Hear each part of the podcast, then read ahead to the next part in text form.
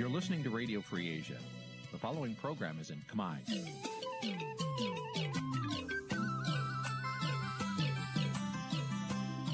នេះជាកម្មវិធីផ្សាយ Vuthu Azizi Serai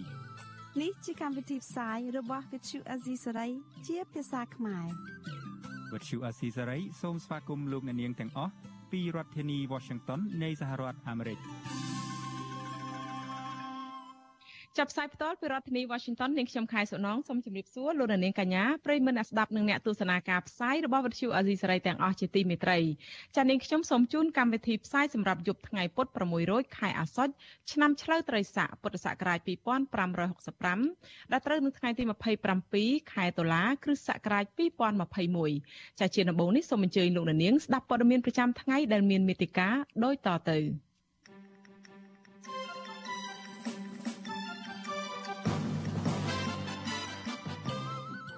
តីតសមាជិកសភាអូស្ត្រាលីជំរុញទៅតុលាការទម្លាក់ចោលការចោទប្រកាន់លើក្រុមយុវជនពាក់ព័ន្ធក្នុងសំណុំរឿងរបស់លោក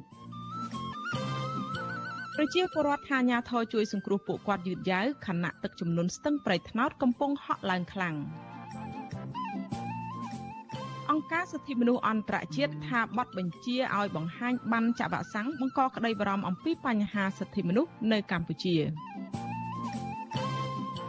ពលរដ្ឋជាង200គ្រួសាររិះគន់អាជ្ញាធរខេត្តកោះកុងថាមិនទប់ស្កាត់បទល្មើសការបំផ្លាញព្រៃកោងកាងរួមនឹងព័ត៌មានផ្សេងផ្សេងមួយចំនួនទៀត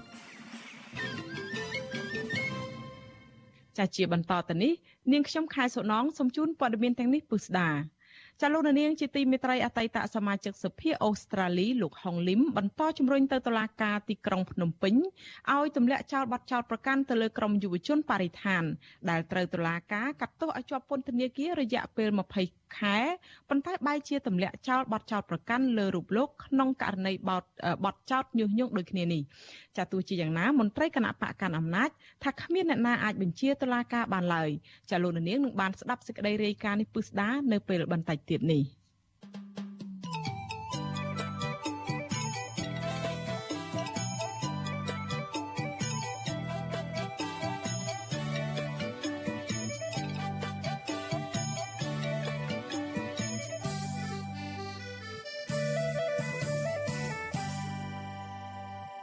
ចាលោកនាងកញ្ញាប្រិមមអ្នកស្ដាប់ជាទីមេត្រីចាតកតងទៅនឹងស្ថានភាពប្រជាពលរដ្ឋដែលរងគ្រោះដោយទឹកជំនន់នៅនេះវិញប្រជាពលរដ្ឋមួយចំនួនដែលរងគ្រោះដោយទឹកជំនន់នៅខណ្ឌដង្កោឲ្យដឹងថាអាជ្ញាធរយឺតយ៉ាវនៅក្នុងការជួយសង្គ្រោះពួកគាត់ក្នុងពេលដែលទឹកកាន់តែឡើងខ្លាំងនៅថ្ងៃទី27ខែតុលានេះពលរដ្ឋជាច្រើនត្រូវរកមធ្យោបាយជំលះខ្លួនឯងដោយប្រមូលសម្ភារៈប្រើប្រាស់ចាំបាច់ទៅរកទីទួលសុវត្ថិភាពចាប់ពីរដ្ឋធានី Washington លោកមានរិទ្ធរាយការណ៍ព័ត៌មាននេះ ពលរដ្ឋរងគ្រោះពីទឹកចំនួនរាប់រយគ្រួសារកំពុងប្រមូលផ្ដុំគ្នាបោះតង់ស្នាក់នៅជាបណ្ដោះអាសន្ននៅលើខ្នងទំនប់7មករាក្នុងស្ថានភាពគ្មានជំរកគ្មានទឹកស្អាតនិងអគ្គិសនីប្រើប្រាស់ហើយគ្មានស្បៀងអាហារហូបចុកគ្រប់គ្រាន់នោះទេពលរដ្ឋម្នាក់រស់នៅខណ្ឌដង្កោលោកហឿសម្អាតឲ្យដឹងថាទឹកបានហក់ឡើងកម្ពស់មួយទឹកថែមទៀតហើយនៅថ្ងៃទី27ខែតុលា លោកបារម្ភថាអ្នកភូមិកាន់តែច្រើនថែមទៀតនឹងត្រូវជំលះមកបន្តស្របពេលដែលបច្ចុប្បន្នមានអ្នករងគ្រោះប្រមាណ1000គ្រួសារកំពុងស្នាក់នៅក្នុងតង់តាមបណ្ដោយក្នុងទំនប់7មករាលោកហឿសម្អាតបញ្ជាក់ថាច្រើនថ្ងៃមកនេះអាជ្ញាធរបានចុះទៅពិនិត្យនិងនាំកងកម្លាំងច្រកបើកខ្សាច់ទប់ទឹកនិងសង្កត់ផ្លូវជាច្រើនកន្លែងក៏ប៉ុន្តែអាជ្ញាធរមិនបានជួយជំលះនិងដឹកជញ្ជូនសម្ភារៈឲ្យពលរដ្ឋនោះទេ គឺអ្នកភូមិត្រូវជំលះនិងរើអីវ៉ាន់តាមលទ្ធភាពដោយខ្លួនឯង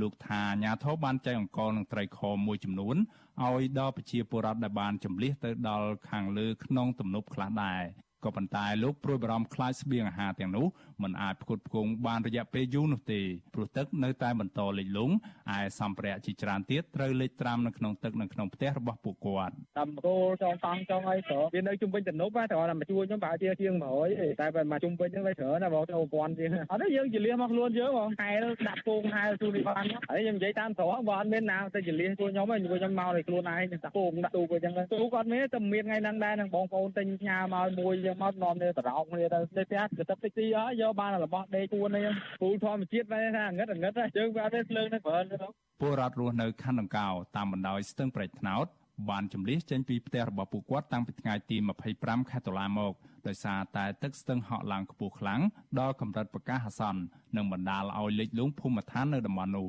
ពលរដ្ឋថាទឹកចំនួនឆ្នាំនេះលិចខ្លាំងជាងឆ្នាំមុន ពួកគាត់ក៏កំពុងប្រឈមនឹងជីវភាពប្រចាំថ្ងៃដែរដោយសារតែមិនអាចចេញទៅប្រកបមុខរបរបាន ហើយត្រូវខូចខាតទ្រព្យសម្បត្តិផលដំណាំ ស្របពេលដែលពួកគាត់កំពុងរងគ្រោះនៅក្នុងវិបត្តិជំងឺ Covid-19 ស្រាប់ជុំវិញស្ថានភាពទឹកចំនួននេះ Visual C ស្រីមិនអាចសុំការបញ្ជាក់ពីអ្នកនាំពាក្យសាលារាជធានីភ្នំពេញលោកមេតមាសភក្តីអ្នកនាំពាក្យគណៈកម្មាធិការជាតិគ្រប់គ្រងគ្រោះមហន្តរាយលោកខុនសុខាបាននៅឡើយទេ ក៏ប៉ុន្តែគេហទំព័រសាលារាជធានីភ្នំពេញបានចុះផ្សាយថាកាលពីយប់ថ្ងៃទី26ខែតុលាទឹកស្ទឹងប្រេតថ្នោតបានហូរច្រោះនិងធ្លាយទ្វារទប់ទឹកមួយកន្លែង ដែលជាហេតុធ្វើឲ្យលិចលង់ដល់លំនៅឋានរបស់ពលរដ្ឋចំនួន5សង្កាត់គឺសង្កាត់កយណយសង្កាត់ទៀនសង្កាត់ស្ពានថ្ម សង្កាត់ព្រៃកំពឹសនិងសង្កាត់រលួសអាជ្ញាធរក៏បានជំលះពលរដ្ឋចេញពីលំនៅឋានជាបន្ទាន់ហើយកំពុងជួសជុលទ្វារទឹកនោះឡើងវិញហើយ គិតត្រឹមថ្ងៃទី27ខែតុលាមិនមានពលរដ្ឋរងគ្រោះថ្នាក់ដល់ជីវិតនោះទេចំណែកអាជ្ញាធរខេត្តកណ្ដាលក៏កំពុងដឹកនាំកងកម្លាំងចុះពិនិត្យមើលស្ថានភាពទឹកនិងស្ដារបន្លាយមួយចំនួនដែរដើម្បីបង្ហូរទឹកចេញពីទំនប់7មករាចូលទៅទន្លេបាសាក់ទំព័រ Facebook រដ្ឋបាលខេត្តកណ្ដាលចុះផ្សាយថាករណីជន់លិចនឹងត្រូវប៉ះពាល់ដល់លំនៅឋានផលដំណាំរបស់ពលរដ្ឋនៅស្រុកកណ្ដាលស្ទឹងក្រុងតាខ្មៅនិងស្រុកស្អាង។ ការជន់លិចស្ទឹងប្រេចថ្នោតនៅរយៈពេលប្រមាណថ្ងៃនេះគឺដោយសារតែមានភ្លៀងធ្លាក់ច្រើននៅខេត្តកំពង់ស្ពឺនិងរាជធានីភ្នំពេញហើយបណ្ដាលឲ្យទឹកភ្លៀងត្រូវហូរចាក់ចូលទៅក្នុងស្ទឹងប្រេចថ្នោតតែមួយគត់ខណៈបឹងបួរបលាយដែលជាផ្ទៃស្តុកទឹកផ្សេងទៀតត្រូវបានលុបដើម្បីអភិវឌ្ឍស្ទើរតែគ្មានសេសសល់អភិបាលខេត្តកំពង់ស្ពឺលោកវីសំណាងប្រាវិជ្ជាស៊ីស្រីថានៅថ្ងៃទី27ខែតុលាទឹកចំនួននៅខេត្តនេះចាប់ផ្ដើមស្រកវិញហើយក្រោយពេលភ្លៀងឈប់ធ្លាក់ទៀត លោកបញ្យល់ថាព្យុះនៅរយៈពេលប្រមាណថ្ងៃនេះបានបង្កជាភ្លៀងធ្លាក់ខ្លាំងនៅស្រុកអរ៉ាល់ស្រុកភ្នំស្រួចនិងស្រុកសំរោងទងហើយអាជ្ញាធរបានស្ទាក់ទឹកទុកនៅក្នុងទំនប់ដែរក៏ប៉ុន្តែទឹកពេញអាងទំនប់ពេកទើបអាជ្ញាធរបង្ហើបទ្វារទឹកឲ្យហូរចេញខ្លះវាអត់ទាន់ល្អប្រសើរម៉ែនទេប៉ុន្តែវាស្រកអស់2ម៉ែត្រទៅនឹងវានៅសល់ធ្លាក់តិចតិចតិចតិចចឹងណាខ្ញុំមើលអាកាសធាតុនេះវាធ្លាក់ខ្យល់ហើយអញ្ចឹងបើសិនតែវាអត់មានព្យុះប្រហែលជាមិនតំណងមានភ្លៀងអីទេកន្លងមកដែលវាលិចលង់នេះដោយសារតែវាព្យុះអាព្យុះមកវានាំទឹកភ្លៀងមកហើយវាមិនខូចខាតអីធ្ងន់ធ្ងរទេយើងមើលទៅវាដូចវិលទៅរកស្ថានភាពដើមយ៉ាងយូរមួយថ្ងៃពីរទៀងទៀតហ្នឹងអស់ហើយជុំវិញករណីទឹកចំនួននេះអ្នកជំនាញផ្នែកអភិបាលកិច្ចទឹកលោកហែមឧត្តមសង្កេតឃើញថាការអភិវឌ្ឍទីក្រុងកន្លងមកនេះរដ្ឋាភិបាលហាក់មិនសូវចាប់អារម្មណ៍ពីការបង្ហាញប្លង់មេឬ Master Plan រួមគ្នារវាងក្រសួងពាក់ព័ន្ធជាមួយនឹងវិស័យឯកជននោះទេដែលជាហេតុបណ្ដាលឲ្យប៉ះពាល់ឬលិចលង់ទីក្រុងនៅក្រៅការអភិវឌ្ឍរួច ក្រៅពីនេះលោកក៏បានជំរុញឲ្យអាជ្ញាធរមូលដ្ឋានចុះស្ដារប្រឡាយស្ទឹងនិងព្រែកឲ្យបានញឹកញាប់កុំឲ្យរាក់ឬក៏មានការបង្រួមព្រែកឲ្យនៅទំហំតូចជាដើម។ ខ្ញុំមិនប្រកាសថាតើស្ថាប័នពាក់ព័ន្ធនៅក្នុងវិស័យអស់ហ្នឹងគាត់បានជជែកគ្នាគាត់មាន master plan ក្នុងការពិវត្តទីក្រុងហ្នឹងរួមគ្នាដែរឬអត់ទីហៅថាវិស័យអចលនទ្រព្យហ្នឹងតាក់ទងជាមួយនឹងក្រសួងរៀបចំដែនដីហើយចំណែកខាងក្រសួងធនធានទឹកក្រសួងបរិស្ថានអាជ្ញាធររាជធានីតើពួកគាត់បានអង្គុយជជែកគ្នាប៉ុណ្ណាគ្រូច្បល់នឹងមានផែនការអភិវឌ្ឍរួមមួយមិនមែនថាផែនការអភិវឌ្ឍរៀងៗខ្លួនណាអញ្ចឹងខ្ញុំនៅឃើញមានកម្រិតកន្លែងហ្នឹង ទឹកស្ទឹងប្រេកថ្នោតបានជន់លិចផ្ទះសម្បែងផលដំណាំនិងសត្វចិញ្ចឹមរបស់ពលរដ្ឋធ្ងន់ធ្ងរនៅក្នុងរយៈពេល2ឆ្នាំចុងក្រោយនេះពលរដ្ឋនិងអ្នកឃ្លាំមើលយល់ថាស្ថានភាពទឹកស្ទឹងប្រេកថ្នោតកាន់តែខ្លាំងនេះគឺបណ្ដាលមកពីការលុបបឹងបួធម្មជាតិជាពិសេសគឺបឹងជើងឯកដែលជាកន្លែងស្តុកទឹកធំជាងគេនៅម្ដុំនោះខ្ញុំបាទមេរិត Visual C ស្រីរាយការណ៍ពីរដ្ឋធានី Washington ចាលោកនាងកញ្ញាប្រិមមអ្នកស្ដាប់ការផ្សាយរបស់វិទ្យុអេស៊ីសេរីទាំងអស់ជាទីមេត្រីចាអតីតសមាជិកសភាអូស្ត្រាលីលោកហុងលឹមបន្តជំរុញទៅតុលាការក្រុងភ្នំពេញឲ្យទម្លាក់ចោលបទចោលប្រកាន់លើក្រុមយុវជនបរិស្ថាន ដែលត្រូវតុលាការកាត់ទោសឲ្យជាប់ពន្ធនាគាររយៈពេល20ខែប៉ុន្តែបែរជាទម្លាក់ចោលបទចោលប្រកាន់លើរូបលោកក្នុងករណីបទចោលញុះញង់ដូចគ្នានេះចាទោះជាយ៉ាងណាក្តីមន្ត្រីគណៈបកកណ្ដាលអំណាចថាគ្មានអ្នកណាអាចបញ្ជាតុលាការបានឡើយចាប់ពីរដ្ឋធានី Washington Washington លោកទីនហ្សាការីយ៉ារាយការណ៍ព័ត៌មាននេះអតីតសមាជិកសភាអូស្ត្រាលីដល់កំណត់ខ្មែរលហុងលឹមមិនស្វាគមន៍តុលាការដែលទម្លាក់បទចោទលើរូបលោកនោះទេប៉ុន្តែលោកថាការសម្រេចរបស់តុលាការនៅពេលនេះជាសញ្ញាវិជ្ជមានមួយលោកថាលោកក៏មិនដឹងពីមូលហេតុដែលតុលាការសម្រេចទម្លាក់ចោលការចោទប្រកាន់លោកដែរទោះជាយ៉ាងណាលោកយល់ថាតឡាការសម្រាប់ចាប់ប្រកាន់លោកកន្លងមកនឹងការសម្រេចចម្លាក់ចោលការចាប់ប្រកាន់នៅពេលនេះគឺតឡាការធ្វើតាមបញ្ជារបស់លោកនាយរដ្ឋមន្ត្រីហ៊ុនសែន ខ្ញុំមិននិយាយថាខ្ញុំសប្បាយចិត្តឬក៏ខ្ញុំមិនសប្បាយចិត្តអីទីទៅមិនសប្បាយចិត្តនៅត្រង់ថាគួរតែរដ្ឋាភិបាលនឹងគឺទម្លាក់ចោលនៅការដែលទៀមទីឲ្យបងលុយនឹងដល់អយុធធម៌ហ្នឹងព្រោះអំពើចាប់ប្រកាន់នេះវាអយុធធម៌វិស័យទៅហើយលោកហុងលីមបានរំលឹកថាលោកមិនបានពឹងពាក់មេធាវីឲ្យជួយការពារក្តីលើសំណុំរឿងនេះទេប៉ុន្តែលោកបានស្នើទៅឯអគ្គរដ្ឋទូតអូស្ត្រាលីប្រចាំនៅកម្ពុជាលោកផាប់លោកកាងឲ្យជួយតាមដានសវនាការនេះប្រតិកម្មរបស់លោកហុងលីមនៅពេលនេះក្រោយពេលសាលាដំបងរាជធានីភ្នំពេញ កាលពីថ្ងៃទី26ដុល្លារបានសម្រេចផ្តន្ទាទោសសកម្មជនសង្គមសកម្មជននយោបាយនិងយុវជនចំនួន15នាក់ឲ្យជាប់ពន្ធនាគារចំនួន20ខែនិងពិន័យជាប្រាក់ម្នាក់ម្នាក់ចំនួន2លានរៀលពីបទញុះញង់តាមបញ្ញត្តិមាត្រា494និងមាត្រា495នៃក្រមព្រហ្មទណ្ឌដោយឡែកអតីតសមាជិកសភាអូស្ត្រាលីលោកហុងលីមដែលមានឈ្មោះក្នុងសំណុំរឿងនោះដែរ ត្រូវបានតុលាការទម្លាក់ចោលការចាប់ប្រកាន់វិញទោះបីជាតុលាការសម្រេចទម្លាក់ចោលការចាប់ប្រកាន់ក្តីលោកហុងលីមនៅតែទាមទារឲ្យតុលាការលើកលែងការចាប់ប្រកាន់យុវជនខ្មែរថាវរៈទាំងអស់ដោយរូបលោកដែរនៅមុនពេលតុលាការសម្រេចលើកលែងការចោទប្រកាន់អតីតតំណាងរាស្ត្រអូស្ត្រាលីដើមកំណត់ខ្មែរលោកហុងលីមនេះលោកធ្លាប់បានប្រកាសបដិញ្ញាចិត្តថាបើសិនជាតុលាការរបបលហ៊ុនសែនមិនផ្ដល់យុត្តិធម៌ឬលើកលែងការចោទប្រកាន់លោកទេ លោកនឹងរកមធ្យោបាយធ្វើការតស៊ូមតិប្រឆាំងនឹងរបបលហ៊ុនសែនដល់ទីបញ្ចប់ហើយបច្ចុប្បន្ននេះលោកហុងលីមកំពុងតែជំរុញឲ្យរដ្ឋាភិបាលអូស្ត្រាលីធ្វើច្បាប់ដាក់ទណ្ឌកម្មក្រុមមេដឹកនាំរបបលហ៊ុនសែនទាក់ទងនឹងបញ្ហានេះនិវិភាននយោបាយលោកមនិតសេនស៊ូរីលើកឡើងថាតឡាការសម្រេចលើកលែងការចាប់ប្រកាន់លោកហុងលីមនៅពេលនេះក៏អាចមកពីរបបលហ៊ុនសែនចង់បន្ធូរបន្ថយស្ថានភាពនយោបាយនៅមុនពេលកម្ពុជានឹងធ្វើជាប្រធានអាស៊ានបដូវវេននៅពេលខាងមុខ រដ្ឋាភិបាលសម្របសម្រួលបរិយាកាសឬក៏បទូបថយបរិយាកាសនយោបាយដោយសារអីដោយសារទី1ត្រៀមខ្លួនខ្លាយទៅជាប្រធានបដូវវេនអាស៊ានឆ្នាំ2022 2023ហើយក៏ត្រូវអំឡុងពេលដែលនឹងមានការបោះឆ្នោតឆ្នាំ2022 2023ហើយរឿងមួយទៀតដែលសំខាន់ហ្នឹងគឺឥឡូវនេះយើងឃើញថារដ្ឋាភិបាលកំពុងតែត្រៀមនៅក្នុងការខ្ចីលុយពីបរទេស ដូច្នេះការបទូបថយបែបនេះក៏វាបង្ហាញជាសញ្ញាណមួយដើម្បីឲ្យបរឲ្យអន្តរជាតិមើលឃើញថាកម្ពុជាចាប់ផ្ដើមបទូបថយបរិយាកាសហើយអន្តរជាតិអាចពិចារណានៅក្នុងឲ្យការនៅក្នុងការឲ្យកម្ពុជាខ្ចីលុយឡើងវិញអាស៊ីសេរីមិនអាចតតងប្រធានសាលាដំបងរាជធានីភ្នំពេញលោកតាំងសុនឡាយដើម្បីសួរអំពីបញ្ហានេះបន្ថែមបានទេនៅថ្ងៃទី27ដុល្លារប៉ុន្តែអ្នកនាំពាក្យគណៈបកប្រជាជនកម្ពុជាលោកសុកអេសានយល់ថា ការសម្រេចរបស់តុលាការបែបណា ជាឆន្ទានុសិទ្ធិរបស់ចៅក្រមឬតុលាការដែលលោកអះអាងថាជាស្ថាប័នអាយក្រិចមានយល់អីទេអានឹងជាឆន្ទានុសិទ្ធិរបស់តុលាការគេមានហេតុផលរបស់គេអញ្ចឹងគេសួរលោកចៅក្រមបានដឹងតែលោកហុងលឹមហ្នឹងក៏អត់ដឹងរឿងដែរគាត់ថាស្មានតាមគំនិតគាត់ទោះជាយ៉ាងណានាយករងទទួលបន្ទុកផ្នែកឃ្លាំមើលសិទ្ធិមនុស្សនៃអង្គការលីកាដូលោកអំសំអាតសង្កេតឃើញថា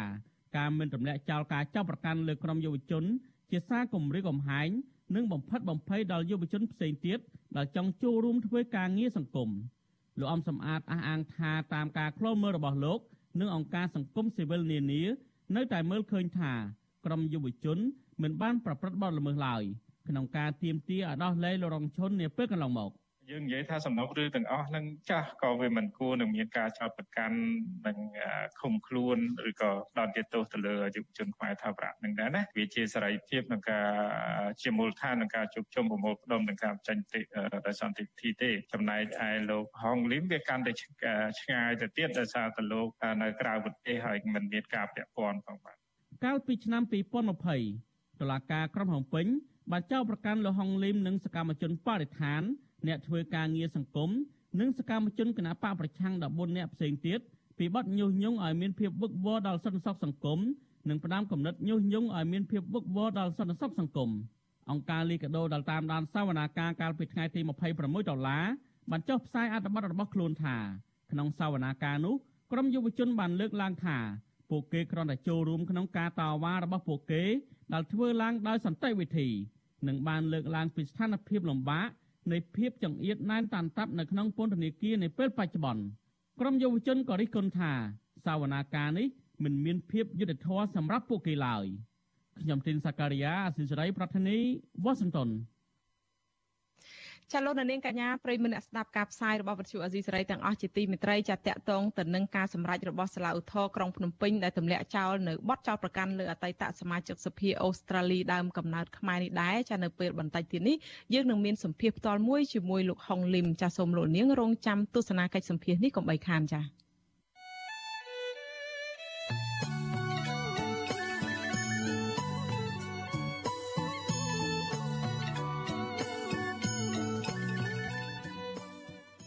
លោកនាងកញ្ញាប្រិមិត្តអ្នកស្ដាប់ការផ្សាយរបស់វិទ្យុអាស៊ីសេរីទាំងអស់ជាទីមេត្រីចាការផ្សាយតាមរយៈរលកធាតុអាកាសខ្លីឬ short wave មានកម្រិតនិងកម្ពស់ដូចតទៅនេះចាប់ពេលព្រឹកចាប់ពីម៉ោង5កន្លះដល់ម៉ោង6កន្លះតាមរយៈរលកធាតុអាកាសខ្លី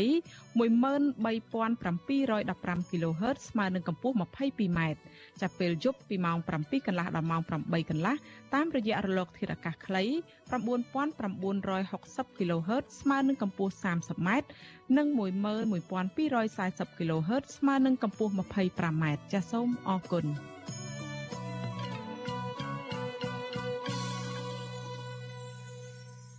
ចាលោកនាងកញ្ញាប្រិយមិត្តអ្នកស្ដាប់និងអ្នកទស្សនាការផ្សាយរបស់វិទ្យុអាស៊ីសេរីទាំងអស់ជាទីមេត្រីចាងាកមកសេចក្តីរាយការណ៍តាក់ទងទៅនឹងស្ថានភាពនៃការរីករាលដាលនៃជំងឺ Covid-19 វិញ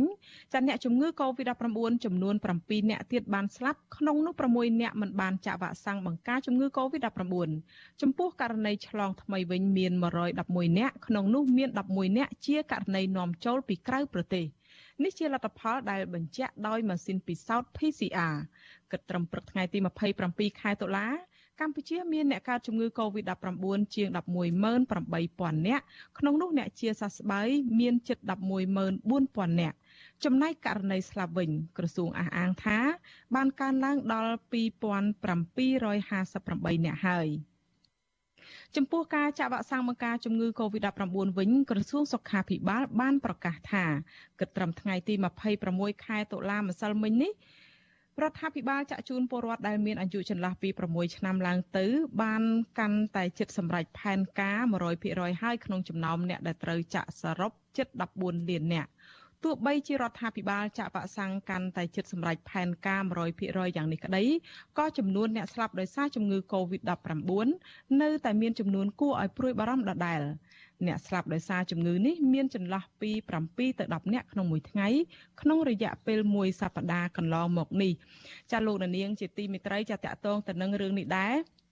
តកតងទៅនឹងស្ថានភាពនៃការរីករាលដាលនៃជំងឺ Covid-19 នេះដែរទោះបីជាក្រសួងសុខាភិបាលប្រកាសថាចំនួនអ្នកស្លាប់ដោយសារជំងឺ Covid-19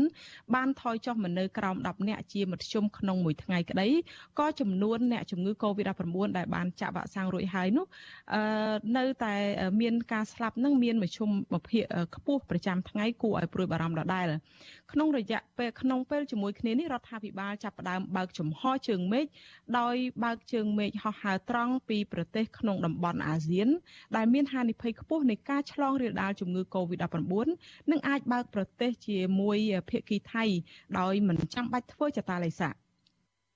រីឯប្រទេសជាច្រើននៅលើពិភពលោកពួកគេកំពុងតែបើកភ្លើងខៀវឲ្យចាក់វ៉ាក់សាំងលាយដូសគ្នា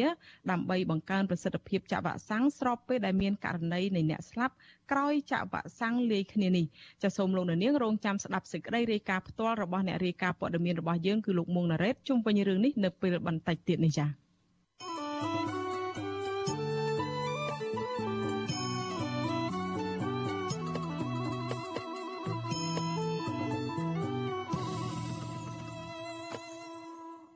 ចាលោកនាងកញ្ញាប្រិមមអ្នកស្ដាប់ជាទីមេត្រីចាតកតងទៅនឹងវិបត្តិនៃការរីករាលដាលនៃជំងឺ Covid-19 នេះដែរអង្គការឃ្លាំមើលសិទ្ធិមនុស្សអន្តរជាតិ Human Rights Watch ពិនិត្យមើលថាឃើញថាបទបញ្ជារបស់អាជ្ញាធរកម្ពុជា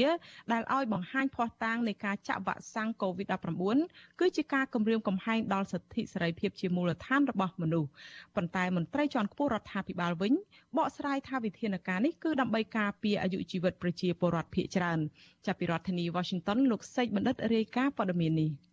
អង្គការឃ្លាំមើលសិទ្ធិមនុស្សអន្តរជាតិ Human Rights Watch សង្កេតឃើញថាបទបញ្ជាមួយចំនួន ដែលអាជ្ញាធរកម្ពុជាបានដាក់ចេញតាក់ទងនឹងវ៉ាក់សាំង COVID-19 បង្កើតជាហានិភ័យនៃការរំលោភបំពានសិទ្ធិទទួលបានសេវាសុខភាព ការអប់រំសុវត្ថិភាពសង្គម និងសិទ្ធិជាមូលដ្ឋានដទៃទៀតរបស់ប្រជាពលរដ្ឋការអះអាងបែបនេះរបស់អង្គការ Human Rights Watch គឺដោយសារតែនៅក្នុងខែតុលានេះអាជ្ញាធរបានដាក់ចេញនៅបទបញ្ជាក្នុងការបង្ហាញភស្តុតាងនៃការចាក់វ៉ាក់សាំងឬបានចាក់វ៉ាក់សាំងដែលគ្របដណ្ដប់លើទីតាំងសាធារណៈនិងឯកជន អង្គការអន្តរជាតិដដាលបារម្ភថាវិធានការថ្មីនេះអាចនឹងធ្វើឲ្យពលរដ្ឋមួយចំនួនត្រូវបានគេបដិសេធមិនផ្ដល់អាហារ ការថែទាំសុខភាពឬក៏ការអប់រំជាដើមនាយកអង្គការ Human Rights Watch ទទួលបន្ទុកកិច្ចការតំបន់អាស៊ីលោក Phil Robertson មានប្រសាសន៍នៅក្នុងសេចក្តីថ្លែងការណ៍កាលពីថ្ងៃទី26តុលាថាបទបញ្ជារបស់រដ្ឋាភិបាលដែលទាមទារភ័ស្តុតាងនៃការចាក់វ៉ាក់សាំង COVID-19 ដោយមិនផ្ដល់ព័ត៌មានឬការបណ្ដុះបណ្ដាលជាសាធារណៈនេះនឹងបង្កជាមហន្តរាយជាច្រើន លោកបន្ថែមថារដ្ឋាភិបាលត្រូវតែធានាថាវ៉ាក់សាំង COVID-19 មានសម្រាប់ពលរដ្ឋគ្រប់រូបនិងធានាថាវិធានការរដ្ឋបិទទាំងឡាយនឹងមិនរារាំងដល់ពលរដ្ឋអំពីការទទួលបានតម្រូវការជាមូលដ្ឋាន និងសេវាចាំបាច់ដទៃទៀតនោះឡើយឆ្លើយតបនឹងរឿងនេះប្រធានអង្គភិបអ្នកណែនាំពាក្យរដ្ឋាភិបាលលោកផៃស៊ីផាន មានប្រសាសន៍ថា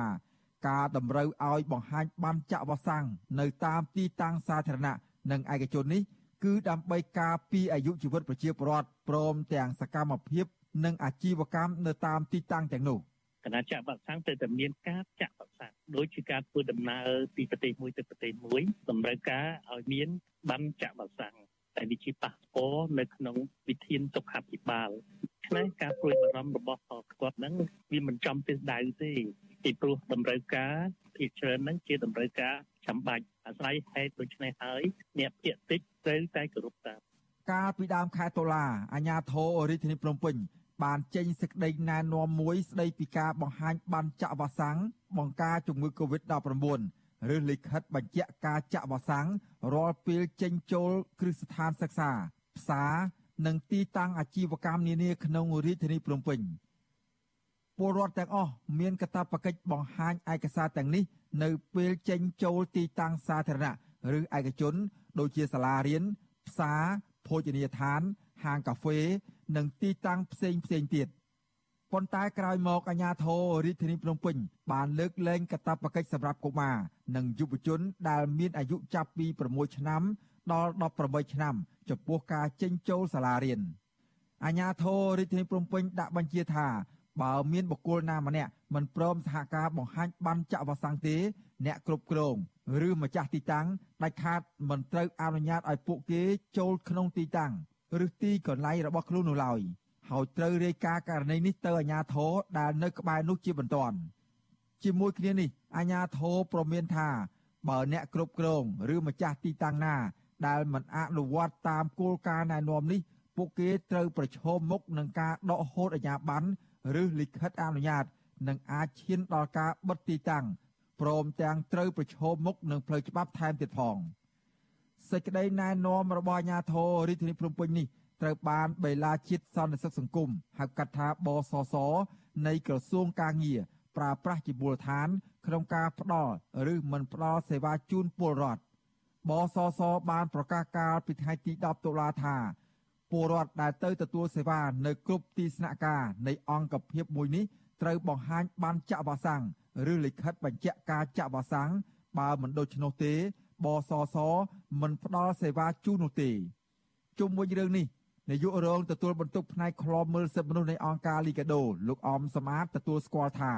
វិធានការរបស់អាជ្ញាធរនេះគឺដើម្បីការពារសុខុមាលភាពរបស់ប្រជាពលរដ្ឋក៏ប៉ុន្តែចំណុចខ្លះ ក៏អាចប៉ះពាល់ដល់សិទ្ធិជាមូលដ្ឋានរបស់ប្រជាពលរដ្ឋដែរលោកយល់ថាដំណោះស្រាយល្អបំផុតនោះ គឺការណែនាំអ្នកគ្រប់គ្រងឬម្ចាស់ទីតាំងទាំងឡាយឲ្យយល់ច្បាស់ពីវិធានការថ្មីនេះគួរតែមានការណែនាំទៅដល់ស្ថាប័នរដ្ឋឯកជនហ្នឹងឲ្យបានច្បាស់លាស់អំពីវិធានការហ្នឹងណាដើម្បីជៀសវាងការអនុវត្តទៅវាលើសឬក៏វាខ្វះយ៉ាងម៉េចដែលធ្វើឲ្យប៉ះពាល់ទៅដល់សិទ្ធិផ្សេងទៀតរបស់ពលរដ្ឋណា កាលពីខែឧសភាកន្លងទៅក្រុមអ្នកជំនាញសិទ្ធិមនុស្សរបស់អង្គការសហប្រជាជាតិផ្ញើលិខិតរួមគ្នា ទៅរដ្ឋាភិបាលកម្ពុជា ដើម្បីស្នើឲ្យលុបចោលកាតព្វកិច្ចក្នុងការចាក់វ៉ាក់សាំងបង្ការជំងឺ Covid-19 ដែលមានលក្ខណៈផ្ទុយពីលិខិតទុបកោសិទ្ធិមនុស្សអន្តរជាតិក្រុមអ្នកជំនាញដដាលក៏ស្នើដល់រដ្ឋាភិបាលឲ្យចាត់វិធានការផ្សេងផ្សេងដើម្បីធានាភាពស្របគ្នា ជាមួយបទដ្ឋានសិទ្ធិមនុស្សអន្តរជាតិ អង្គការឃ្លាំមើលសិទ្ធិមនុស្សអន្តរជាតិ Human Rights Watch គូបញ្ជាក់ថារដ្ឋាភិបាលកម្ពុជាត្រូវតែធានាថាបទបញ្ជាទាំងឡាយរបស់ខ្លួនតាក់ទងនឹងរឿងវ៉ាសាំងមិនត្រូវរំលោភលើសិទ្ធិដទៃទៀតរបស់ប្រជាពលរដ្ឋឬបង្កើតបន្ទុកមិនត្រឹមត្រូវសម្រាប់ផ្នែកណាមួយរបស់ប្រជាពលរដ្ឋនោះទេអង្គការអន្តរជាតិដដាលបន្ថែមទៀតថាសិទ្ធិទទួលបានសេវាសុខភាពអនុវត្តចំពោះមនុស្សគ្រប់រូបមិនថាបានចាក់វ៉ាក់សាំង ឬអត់នោះទេ ជាពិសេសបទបញ្ជាទាំងឡាយគួរតែត្រូវបានរៀបចំឡើង ដោយគិតឲ្យបានស៊ីជម្រៅចំពោះបរិបទនានា រួមទាំងឧបសគ្គខាងសង្គមនយោបាយនិងសេដ្ឋកិច្ចដែលពលរដ្ឋអាចប្រឈមមុខលោក Phil Robertson មានប្រសាសន៍បន្ថែមថាលោកនាយករដ្ឋមន្ត្រីហ៊ុនសែនត្រូវតែធានាថាវិធានការរបស់រដ្ឋាភិបាលក្នុងការឆ្លើយតបនឹងជំងឺ Covid-19 ការពារសិទ្ធិពលរដ្ឋគ្រប់រូប ជាជាងការដាក់ចេញនៅបទបញ្ជាណាមួយដែលប្រថុយនឹងការកាត់ផ្តាច់ប្រជាពលរដ្ឋចេញពីសារៈសំខាន់ទាំងឡាយអ្នកជំនាញសិទ្ធិមនុស្សអន្តរជាតិបន្ថែមថាអង្គការសុខភាពពិភពលោកហៅកាត់ថា WHO ចាំបាច់ត្រូវធ្វើការជាមួយនឹងរដ្ឋាភិបាលកម្ពុជាឆ្ពោះទៅរកវិធានការឆ្លើយតបនឹងជំងឺ Covid-19 ដោយឈរលើមូលដ្ឋានសិទ្ធិមនុស្សឲ្យបានកាន់តែច្រើនខ្ញុំបាទសេកបណ្ឌិត វិទ្យុអាស៊ីសេរីពីរដ្ឋធានីវ៉ាស៊ីនតោន ចាលោកនាងកញ្ញាប្រិមមអ្នកស្ដាប់និងអ្នកទស្សនាការផ្សាយរបស់វិទ្យុអាស៊ីសេរីទាំងអស់ជាទីមេត្រីចាការផ្សាយរបស់យើងនេះផ្សាយចេញពីរដ្ឋធានី Washington នៃសហរដ្ឋអាមេរិកចាតកតងទៅនឹងស្ថានភាពនៃការរីករាលដាលនៃជំងឺ Covid-19 នេះដែរទោះបីជាក្រសួងសុខាភិបាលរាយការណ៍ថាចំនួនអ្នកស្លាប់ដោយសារជំងឺ Covid-19 បានថយចុះនៅក្រោម10អ្នកជាមធ្យមក្នុងមួយថ្ងៃមួយថ្ងៃក៏ដោយក៏ ហាក់ក៏ចំនួនអ្នកជំងឺ Covid-19 ដែលបានចាក់វ៉ាក់សាំងរួចហើយហើយបានស្លាប់នៅតែមានមធ្យមភាពខ្ពស់ប្រចាំថ្ងៃគួរឲ្យព្រួយបារម្ភដដែលចាក្នុងពេលជាមួយគ្នានេះរដ្ឋាភិបាលចាប់ផ្ដើមបើកចំហជើងមេឃដោយបើកជើងហោះហើរត្រង់ពីប្រទេសក្នុងតំបន់អាស៊ាន ដែលមានហានិភ័យខ្ពស់នៃការឆ្លងរាលដាលជំងឺ Covid-19 និងអាចបើកប្រទេសជាមួយភាគីថៃដែលមិនចាំបាច់ធ្វើចតាឡេសា រីឯប្រទេសជាច្រើននៅលើពិភពលោកពួកគេកំពុងតែបើកភ្លើងខៀវឲ្យចាក់វ៉ាក់សាំងលាយដូសគ្នាដើម្បីបង្កើនប្រសិទ្ធភាពវ៉ាក់សាំងស្របពេលដែលមានករណីនៃអ្នកស្លាប់ក្រោយការចាក់វ៉ាក់សាំងលាយគ្នានេះចាឥឡូវនេះយើងមានអ្នករាយការណ៍ព័ត៌មានរបស់យើងមួយរូបគឺលោកមួងណារ៉េតដែលលោកនឹងចូលខ្លួនមកបកស្រាយជំវិញការវិវត្តថ្មីនៃការរីករាលដាលនៃជំងឺ Covid-19 នេះចាជំរាបសួរលោកមួងណារ៉េតចា បាទជំរាបសួរអ្នកស្រីខៃសណងហើយសូមជម្រាបសួរលោកនាងទាំងអស់ដែលកំពុងតែតាមដានស្ដាប់និងទស្សនាការផ្សាយរបស់វិទ្យុអស៊ីសេរីជាទីមេត្រីបាទចាអរគុណច្រើនលោកណារ៉េតចាអឺតកតងទៅនឹងអ្វីដែលនេះខ្ញុំបានជំរាបជូនលោកអ្នកស្ដាប់អំបីមិញនេះជាដំបូងនេះថាតើចង់ឲ្យលោកណារ៉េតបកស្រាយបន្តិចថាអ្នកដែលបានចាក់វ៉ាក់សាំងរួចហើយនឹងថានៅតែមានករណីឈឺស្លាប់ច្រើននឹងតើប្រមាណភាគរយទៅលោកណារ៉េតចាបាទអរគុណយើងឃើញតួលេខចុងក្រោយនេះ និយាយទៅគឺតួលេខតាំងតែពីដើមខែតុលាមកតាំងពីក្រសួងចាប់ផ្ដើមលែងយក rapid test ឬក៏ test រហ័សមកចំនួនតួលេខនេះគឺថយចុះជាលំដាប់ហើយអ្វីដែលថយចុះគួរឲ្យកត់សម្គាល់ហ្នឹងគឺយើងឃើញថាពីសប្តាហ៍មុននៅក្នុងសេចក្តីរាយការណ៍របស់ខ្ញុំនៅក្នុងមួយថ្ងៃអ្នកស្លាប់អ្នកដែលឆ្លងថ្មីមានប្រហែលជា230អ្នកតែប៉ុណ្ណឹងប៉ុន្តែឥឡូវនេះក្នុងសប្តាហ៍នេះអ្នកដែលឆ្លងថ្មីហ្នឹងគឺថយមកនៅត្រឹម130នៅ130អ្នកនៅក្នុងមួយថ្ងៃទេជាមធ្យមឯអ្នកស្លាប់វិញគឺថយពីជិត20អ្នកនៅក្នុងមួយថ្ងៃកាលសប្តាហ៍មុនឥឡូវមកនៅត្រឹមប្រហែលជា10អ្នកទេនៅក្នុងមួយថ្ងៃក៏ប៉ុន្តែអត្រានៃអ្នកដែលបានចាក់វ៉ាក់សាំងរួចហើយឈឺហើយបែរទៅជាស្លាប់ដដែលនោះគឺនៅមានអត្រាខ្ពស់ណាស់អ្នកស្រីខែសំណងខ្ពស់នេះគឺសំដៅទៅលើនៅក្នុងជាមធ្យមហ្នឹងយើងនៅមានប្រហែលជា30%អញ្ចឹងបានន័យថាបើ10នាក់នៅមាន3នាក់ដែលចាក់វ៉ាក់សាំងរួចហើយនៅតែស្លាប់នោះបាទ ចាលោកណារ៉េតលើកឡើង ចំពោះចំនួននេះខ្ពស់តែរដ្ឋាភិបាលហ្នឹងយើងឃើញហើយថានៅតែមានការសម្រេចឲ្យបើកជើងមេឃអីដដែលតើរឿងនេះវាយ៉ាងម៉េចទៅវិញចាបាទនេះគឺជាចំណុចសំខាន់មួយនៃរបបថ្មីដែលរដ្ឋាភិបាលតាំងចិត្តឲ្យបដិញ្ញាថានឹងធ្វើយ៉ាងម៉េចបើកប្រទេសឡើងវិញឲ្យឆាប់ឲ្យខាងតែបានធ្វើម៉េចឲ្យថាប្រជាពលរដ្ឋនឹងអាចនឹងវិលទៅរកភាពធម្មតា វិញអីចឹងក៏ប៉ុន្តែបើយើងមើលអ្វីដែលជាការបើកថ្មីនេះគឺថ្មីប្រហែលថ្ងៃនេះគឺរដ្ឋាភិបាលបានប្រកាសឲ្យបើកជើងយន្តហោះហោះហើរត្រង់ដែលផ្អាកមួយរយៈធំហើយគឺពីប្រទេស3នៅក្នុងតំបន់អាស៊ានយើងមានប្រទេសម៉ាឡេស៊ីមានឥណ្ឌូនេស៊ីនិងហ្វីលីពីនកុំភ្លេចថាការបើកជើងយន្តហោះត្រង់ទៅប្រទេសទាំង3នេះគឺប្រទេសទាំងនេះកំពុងតែឆ្លងជំងឺ Covid 19នឹងពេញបន្ទុកដែរលើកឡើងតែប្រទេសឥណ្ឌូនេស៊ីមួយដែលអត្រានៃឆ្លងរៀងទៀបជាងប្រទេសពីរទៀតបើម៉ាឡេហើយនិងថៃគឺមានប្រហាក់ប្រហែលជា5000នាក់នៅក្នុងមួយថ្ងៃដែរហើយអ្នកស្លាប់នោះមានចន្លោះពី100ទៅ150នាក់ជាមធ្យមនៅប្រចាំថ្ងៃដែរអញ្ចឹងការដែលបើកជើងយន្តហោះនេះគឺមិនមែនតែបើកឲ្យទៅប្រទេសទាំង3នេះលោកនាយរដ្ឋមន្ត្រីហ៊ុនសែនកាលថ្ងៃ22នៅទីស្តីការគណៈរដ្ឋមន្ត្រីក៏បង្ហើបអំពីការបើកជើងយន្តហោះ ឬក៏បើកជើងមេឃទៅឲ្យប្រទេសថៃចូលប្រទេសខ្មែរដោយអត់ចាំបាច់ធ្វើចតាលេខសាកទេនេះគឺជារឿងប្លែកបន្តិចដែរព្រោះដោយសារអីមុននេះប្រទេសថៃបានបើកជើងមេឃរបស់ខ្លួនឲ្យប្រទេស46មានទាំងប្រទេសកម្ពុជាផងដែលមិនចាំបាច់ធ្វើចតាលេខសាកហើយប្រទេសកម្ពុជាខ្លួនឯងនឹងដែលពីមុនមានគោលការណ៍ច្បាស់លាស់មួយហើយគឺថាអ្នកដែលចូលទាំងអស់មកពីក្រៅត្រូវតែប្រកាន់គោលការណ៍3គឺបើអ្នករស៊ីត្រូវធ្វើចតាលេខសាក3ថ្ងៃអ្នកដែលជាអ្នកធម្មតាត្រូវធ្វើចតាលេខសាក7ថ្ងៃអ្នកអត់ចាក់វ៉ាក់សាំងត្រូវធ្វើ 14ថ្ងៃអីចឹងប៉ុន្តែស្រាប់តែលឺសូថៃថាអញ្ចឹងលោកនាយករដ្ឋរដ្ឋមន្ត្រីហ៊ុនសែនហ្នឹងក៏ចាប់ផ្ដើមដូរ ចង់ទៅធ្វើតាមថៃដើម្បីបើកឲ្យថៃចូលមកយើងយ៉ាងកំហុកហើយមិនចាំបាច់ធ្វើចតាលេខសាក់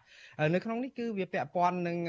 បញ្ហាមិនស្មារភាពគ្នាដែរដោយសារតែយើងមើលឃើញហានិភ័យនៅថៃក៏ខ្ពស់វ៉ាក់សាំងគេក៏ចាក់អត់ទាន់បានច្រើនហើយយើងចាក់បានច្រើនជាងគេមិនដឹងថាតើការបើកបែបនេះនឹងវានាំឲ្យមានបញ្ហាយ៉ាងណាអ្នកស្រីកែសំណងបន្ថែមចំណុចមួយទៀតនៅពេលដែលបើកឲ្យប្រទេសជាច្រើនចូលមកហ្នឹងគឺកម្ពុជាចាប់ផ្ដើមមានយន្តការថ្មីមួយទៀតដោយចេញសេចក្តីប្រកាសពីក្រសួងទេសចរហ្នឹងគឺបើកគេហៅថាទេសចរវ៉ាក់សាំងទេសចរវ៉ាក់សាំងហ្នឹងគឺរដ្ឋាភិបាលសម្ដៅទៅលើថាអ្នកដែលបានចាក់វ៉ាក់សាំងរួចអាចមកលេងតំបន់ទេសចរនៅប្រទេសកម្ពុជាដែលចាប់ផ្ដើមពីខេត្តប្រសិទ្ធអនុទៅមុនហើយនឹងតារាសាគរនៅខេត្តកោះកុងដែលមានពលានយន្តហោះក្រុមហ៊ុនចិនដ៏ធំមួយនៅទីនោះហ្នឹងដែលនឹងចាក់សាកល្បងចាប់ពីថ្ងៃទី30ខែវិច្ឆិកាទៅហើយដោយឲ្យមកស្នាក់នៅ5ថ្ងៃ ដែលធ្វើទេសចរ5ថ្ងៃដោយមិនចាំបាច់ធ្វើចតាលេខសាក់ទេបានន័យថាបើធ្វើតេស្តទៅអត់មានជំងឺ Covid-19 ពេលមកដល់ហ្នឹងគឺឲ្យទៅតំបន់ទេសចរនោះដោយមិនធ្វើចតាលេខសាក់ដូច្នេះគោលការណ៍ចតាលេខសាក់នេះរៀងដូចជាវល់វល់ច្រឡំបល់បន្តិចហើយដោយសារតែមានការប្រែប្រួលច្រើនមែនតើហើយនៅតំបន់សៀមរាបវិញចាប់ពីខែមករាក៏គេនឹងធ្វើទេសចរវ៉ាក់សាំងនឹងដែរដោយមិនចាំបាច់ធ្វើចតាលេខសាក់5ថ្ងៃសម្រាប់ភ្ញៀវទេសចរដែលមកលេងចឹងដែរនៅស្រីខែសំណោះប៉ុន្តែសុំថែមបន្តិចនៅពេលដែលយើងកំពុងតែនិយាយអំពីថាការមិនចង់ធ្វើចតាលេខសាក់ហ្នឹងប្រទេសមួយចំនួនជាពិសេសប្រទេសចិនដែលខ្លួនឯងហ្នឹងជាអ្នកដែលផ្ដល់លក់វ៉ាក់សាំងឲ្យខ្មែរអស់ប្រហែលជា300លានដុល្លារទៅហើយហ្នឹងខ្លួនឯងចាក់វ៉ាក់សាំងនៅប្រទេសចិនហ្នឹងបានដល់ទៅ1000លានអ្នកទៅហើយនៅសល់តែ400អ្នក400លានអ្នកប៉ុន្តែស្រាប់តែម្សិលមិញម្សិលមួយថ្ងៃនេះចាប់ផ្ដើម lockdown គឺបិទគប់ទីក្រុងធំមួយដែលមានចំនួនប្រជាពលរដ្ឋប្រហែល4លានអ្នក ហើយនឹងនៅវូហានហ្នឹងក៏មានបញ្ហាកម្រើកឡើងនៃ COVID-19 ដែរដូច្នេះអានេះគឺជាក្តីបារម្ភមួយដែរតកតងនឹងនៃការបើកប្រទេសនេះបាទចាលោកណារ៉េតត្រង់ចំណុចនេះលោកបានលើកឡើងហើយពីថាការបើកចំហជើងមេឃហើយផ្ទុយទៅវិញនៅខាងប្រទេសចិនឯណោះគេត្រូវបានបិទគប់អីទៅវិញទៅទៀតតើរឿងនេះវាយ៉ាងម៉េចចំពោះយើងអាចថាបថុយប្រឋានពេកទេឬយ៉ាងម៉េចលោកណារ៉េតចា តកតងជាមួយនឹងប្រទេសថៃដែលយើង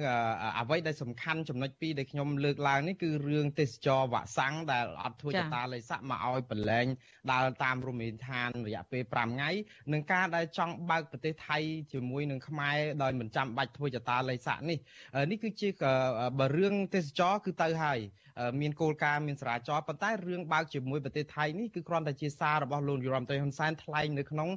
កិច្ចប្រជុំនៅទីស្តីការគណៈរដ្ឋមន្ត្រីកាលថ្ងៃ22ខែតុលានេះមិនទាន់មានសេចក្តីសម្រេចណាទេក៏ប៉ុន្តែគេមិនពិបាកឆ្ងល់ទេព្រោះតែពេលលោកហ៊ុនសែនថាអីតាបន្តិចហ្នឹងតែមួយថ្ងៃពីរហ្នឹងនឹងមានសេចក្តីសម្រេចណាមួយទៅតាមអ្វីដែលលោកនាយរដ្ឋមន្ត្រីហ៊ុនសែនប្រកាសឬក៏ថ្លែងហ្នឹងហើយយើងយើងនឹងតាមដានបន្តទៀតបាទចា៎ លោកណារ៉េតអញ្ចឹងនិយាយរឿងថៃនេះដែរយើងដឹងហើយថាថ្មីថ្មីនេះមានព័ត៌មានថារឿងគេឲ្យចាក់វ៉ាក់សាំងលាយចាលាយដូសគ្នានឹងហើយក៏មានករណីស្លាប់រឿងនេះលោកណារ៉េតអាចជម្រាបជូនលោកអ្នកស្ដាប់បន្តិចបានទេចាបាទនេះគឺជារឿងប្លែកដែរព្រោះរបត់នៅក្នុងពិភពលោកនេះការដែលចាក់វ៉ាក់សាំងជងជំរុញវ៉ាក់សាំងដែលជាវ៉ាក់សាំងលាយអីនោះគឺវាជារឿងធម្មតាទៅហើយព្រោះគេចាប់ផ្ដើមដើរលឿនណាស់ទៅហើយហើយថៃខ្លួនឯងហ្នឹងក៏បានចាក់វ៉ាក់សាំងលីនឹងជាហូហែមកហើយហើយឈប់ប្រើវ៉ាក់សាំងចិនហើយព្រោះកាលពីមុនចាក់វ៉ាក់សាំងចិនស៊ីណូវ៉ាក់ជាពិសេសហ្នឹងឥឡូវនេះគាត់គាត់ចាក់វ៉ាក់សាំងលីហ្នឹងគឺដូសជំរុញហ្នឹងគឺបន្ថែមទៅអាស្ត្រាសេនេកានៅពេលដែលចាក់អាស្ត្រាសេនេកាទៅនិស្សិតថៃអាយុ20ឆ្នាំម្នាក់នោះក៏បានស្លាប់ដោយសារតែឈាមកកនៅក្នុងខួរក្បាលឈាមកកនៅក្នុងខួរក្បាលហ្នឹងពេលដែលចាក់វ៉ាក់សាំងហ្នឹងហើយហ្នឹងគឺតាមពិតគាត់មានអាការៈចម្លែកមួយយ៉ាងដោយសារស្ពឹកអស់មកចំហៀងខ្លួនខាងឆ្វេងធ្វើឲ្យជើងគាត់នឹងកម្រើកលែងបានហើយរហូតដល់តែកាត់ ពេលដែលវះកាត់ជើងហ្នឹងទៅក៏នៅតែមិនបានស្បាយហើយជំងឺខួរក្បាលបញ្ហាកកឈាមនៅក្នុងខួរក្បាលក៏ត្រូវការវះកាត់លោកគ្រូពេទ្យក៏ឲ្យថ្នាំគាត់ដើម្បីរំលាយឈាមកកនៅក្នុងខួរក្បាលហើយគ្រូពេទ្យថៃបានបញ្ជាក់ថាដោយសារតែវ៉ាក់សាំងដោយសារតែថ្នាំដែលរំលាយឈាមកកនោះហើយអាចធ្វើឲ្យគាត់នឹងដាច់សរសៃឈាមខួរក្បាលរហូតដល់ស្លាប់តែយ៉ាងណាការស្លាប់នេះគឺក្រោយការចាក់វ៉ាក់សាំងអាស្ត្រាសេនេកាហើយ ក៏គាត់ថាអញ្ចេះករណីនេះគឺជាករណីមួយនៅក្នុងចំណោមរាប់លានទេមិនមែនជាករណីធំទេបើយើងមើលនៅសហរដ្ឋអាមេរិកឯនេះវិញមិនមានករណីបែបនឹងរាយការណ៍ទេហើយការដែលចាក់វ៉ាក់សាំងអឺលាយនេះគឺចាប់ផ្ដើមคลายទៅជាប្រធានបទមួយកដៅកគុកហើយក៏បានទទួលការអនុញ្ញាតពីខាងអាជ្ញាធរឱសថនិងចំណីអាហាររបស់សហរដ្ឋអាមេរិកកាលពីប្រហែលថ្ងៃមុននេះដែរដើម្បីឲ្យវ៉ាក់សាំងទាំងអស់នៅអាមេរិកហ្នឹងទាំង Pfizer ទាំង Moderna ទាំង Johnson Johnson ហ្នឹងគឺអាចចាក់ជា dose booster បានហើយចុះជំរុញបានហើយហើយចាក់លាយបានទៀតហើយការដែលចាក់លាយហ្នឹងបើតាមការសិក្សារបស់ NIH គឺខាងអាជ្ញាធរសុខាភិបាលអាមេរិកហ្នឹងគេបញ្ជាក់មកថាបើចាក់ដូសដូចគ្នាឧទាហរណ៍បើយើងចាក់ Pfizer ហើយចាក់ Pfizer ដូសទី3គឺវាបានរក្សានៅកថាភាពស៊ាំនៅក្នុងរាងកាយហ្នឹងបានខ្លាំង ទៅតាមកម្រិតរបស់វ៉ាក់សាំងហ្នឹងប៉ុន្តែបើសិនជាចាក់លាយឧទាហរណ៍ដូចជាលាយជាមួយវ៉ាក់សាំងផ្សេងគឺបានក្រាន់បើគ្រប់ទៅវ៉ាក់សាំងហ្នឹងប៉ុន្តែល្អបំផុតបើនិយាយអំពីវ៉ាក់សាំងដែលចាក់លាយឲ្យបានលទ្ធផលល្អជាងគេនោះគឺ Johnson Johnson បើអ្នកណាចាក់ Johnson Johnson ហើយគាត់ចាក់លាយ Johnson ជាមួយ Moderna គឺបានលទ្ធផលកើនអាអង់ទីកហ្នឹងរហូតដល់76ដងបើចាក់ជាមួយ Pfizer គាត់បានតែ36ដងក៏ប៉ុន្តែយ៉ាងណាក៏នៅតែច្រើនដែរអញ្ចឹង Moderna គឺជាវ៉ាក់សាំងមួយដែលបើតាមការសិក្សាហ្នឹងគឺមានប្រសិទ្ធភាពខ្លាំងជាងគេបំផុតបើចាក់លាយជាមួយនឹងវ៉ាក់សាំងដទៃក៏ប៉ុន្តែមិនមែនបានន័យថាប្រជាពលរដ្ឋទាំងអស់ហ្នឹងត្រូវតែចាក់លាយទេជាការសម្រេចរបស់ខ្លួនទេបើចង់ចាក់ Pfizer ហើយចាក់ Pfizer ទៀតក៏បាន Johnson ហើយ Johnson ទៀតក៏បានឬក៏ Moderna ក៏ Moderna ទៀតក៏បានប៉ុន្តែបើចាក់ចាក់លាយទៅគឺកម្រិតនៃអង្គទីកនិងការការពាររាងកាយហ្នឹងក៏បានខ្លាំងតែផ្ទុយទៅវិញនៅឯប្រទេសកម្ពុជាវិញប្រធានបទនេះគឺមិនមានជជែកទេដោយសារតែយើងមានតែវ៉ាក់សាំងចិនដូច្នេះតែចាក់លាយយ៉ាងដូចម្ដេចបើវ៉ាក់សាំង AstraZeneca គេឲ្យមួយលានមកចាក់ដាច់បាត់អស់ទៅហើយវ៉ាក់សាំង Johnson Johnson គេឲ្យមួយលានទៅទៅផុតប៉ុន្តែយើងអត់បានបញ្ជាទិញវ៉ាក់សាំងទាំងអស់នេះពីប្រទេស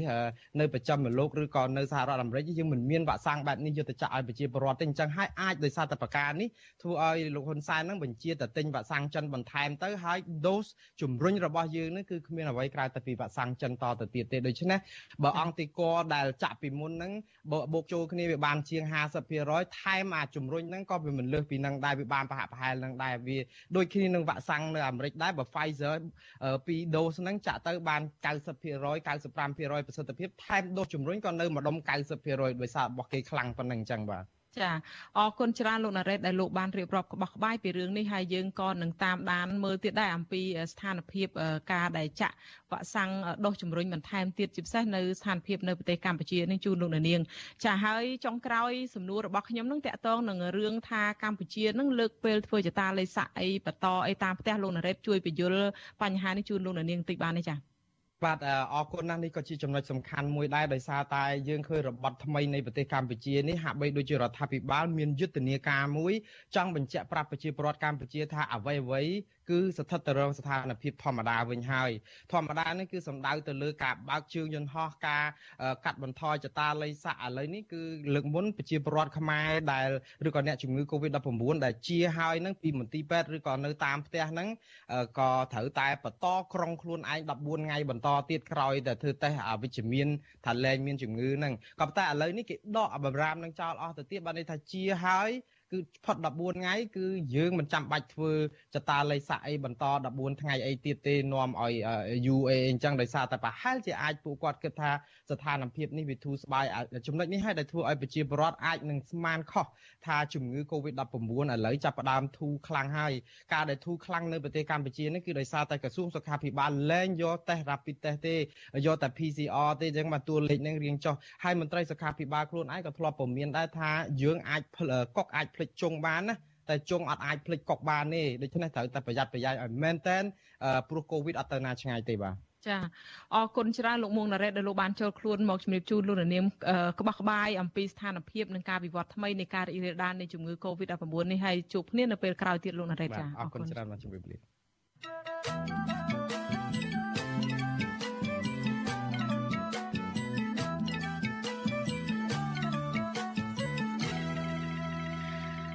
ចាលោកនាងកញ្ញាប្រិមមអ្នកស្ដាប់ការផ្សាយរបស់វិទ្យុអាស៊ីសេរីទាំងអស់ជាទីមេត្រីចាងាកមកសេចក្តីរាយការណ៍អំពីស្ថានភាពព្រៃឈើនេះវិញព្រៃសហគមន៍ភូមិជីអោកដែលសម្បូរដោយដើមឈើធំធំនិងព្រៃស្រោងបន្សល់ទុកចុងក្រោយគេរបស់ខេត្តព្រះវិហារកំពុងទទួលរងនឹងការឈូសឆាយផ្ដួលឈើហូបធំធំធ្វើអាជីវកម្មពីសំណាក់ក្រុមហ៊ុនមួយចាមន្ត្រីសង្គមស៊ីវិលនិងប្រជាសហគមន៍ខកចិត្តដែលអាជ្ញាធរមិនបានការពារធនធានធម្មជាតិស្របតាមច្បាប់និងគោលនយោបាយរបស់រដ្ឋាភិបាលបាលចាប់ពីរដ្ឋធានី Washington លោកសនចានរដ្ឋារាយការណ៍អំពីរឿងនេះ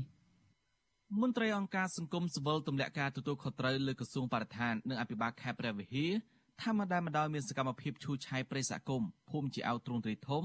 ពីសំណាក់ក្រុមហ៊ុនសន្តានារបស់អាញាអុកកំសានព្រៃសហគមន៍នេះស្ថិតនៅក្នុងភូមិជាអោឃុំរមនីស្រុករវៀង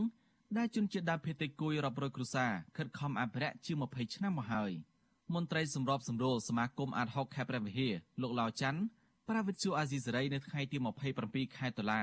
ថាគ្រឿងចាក់យ៉ាងហោចណាស់4គ្រឿងបានឈូសឆាយផ្ដួលដើមឈើធំធំនៅក្នុងព្រៃសហគមន៍ភូមិជាអោកអស់ប្រមាណ8ហិកតានៅរយៈពេលជាង2សប្តាហ៍ចុងក្រោយនេះ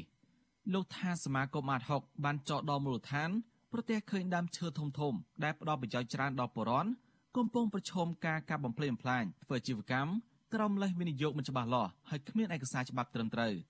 លោកបញ្ជាក់ថាអ្នកភូមិជាង300គ្រួសារមិនពេញចិត្តនឹងគម្រោងវិនិយោគដែលគំតិចប្រិយសហគមន៍ដូចនេះទេហេតុនេះអញ្ញាធរខេត្តនិងក្រសួងបរិស្ថានគួរតែដោះស្រាយក្តីកង្វល់របស់ពួកគាត់មន្ត្រីជំនាញក៏មិនបានជួយការពារទៅនឹងដីព្រៃសហគមន៍របស់ពួកគាត់នោះដែរមានតែទម្លាក់កំហុសចោទពួកគាត់ថាជាអ្នកបំផ្លិចផ្លាញ ព្រៃសហគមន៍ខ្លួនឯងទៅវិញចំណែកឯអ្នកដែលត្រូវបានគេជួលដើម្បីយកមកកាត់ឆ្ការព្រៃពួកគាត់មិនបាននាំគ្នាទៅចាប់ជនប្រព្រឹត្តបទល្មើសជនខលខូចទាំងអស់នេះទេវិទ្យុអស៊ីសេរីមិនតន់អាចតតងប្រធាននៃចម្រុះសាព្រៃបឹងប៉ែលោកទុយសុភីម្ចាស់ក្រុមហ៊ុនសន្តានាអុកញ៉ាអុកកំសាននិងអភិបាលខេត្តព្រះវិហារលោកប្រាក់សវណ្ណដើម្បីបកស្រាយអំពីរឿងនេះបាននៅឡើយទេនៅថ្ងៃទី27ខែតុលារីឯប្រធានមន្ត្រីបរិស្ថានខេត្តព្រះវិហារលោកសុងច័ន្ទសុជាតិវិញ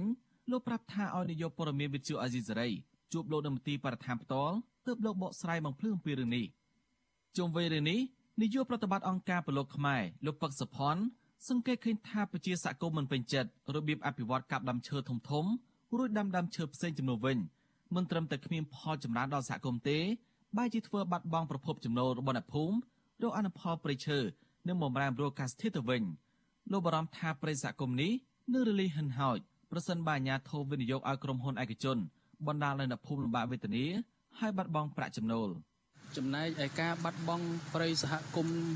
ក្នុងតំបន់ការពាររបស់គាត់នេះ គឺជាការទទួលខុសត្រូវទាំងស្រុងរបស់ក្រសួងបរិស្ថាន ហើយនិងអាជ្ញាធរនៅមូលដ្ឋាន យើងឃើញថាតំបន់ CPA ភាគច្រើន គឺមានការផ្ដល់ទៅឲ្យក្រុមហ៊ុនសម្បទានសេដ្ឋកិច្ចអញ្ចឹងវារលត់រលាយទៅថ្ងៃមុខគឺដោយសារតែក្រសួងបរិស្ថាននឹងផ្ទាល់តែម្ដងបាទ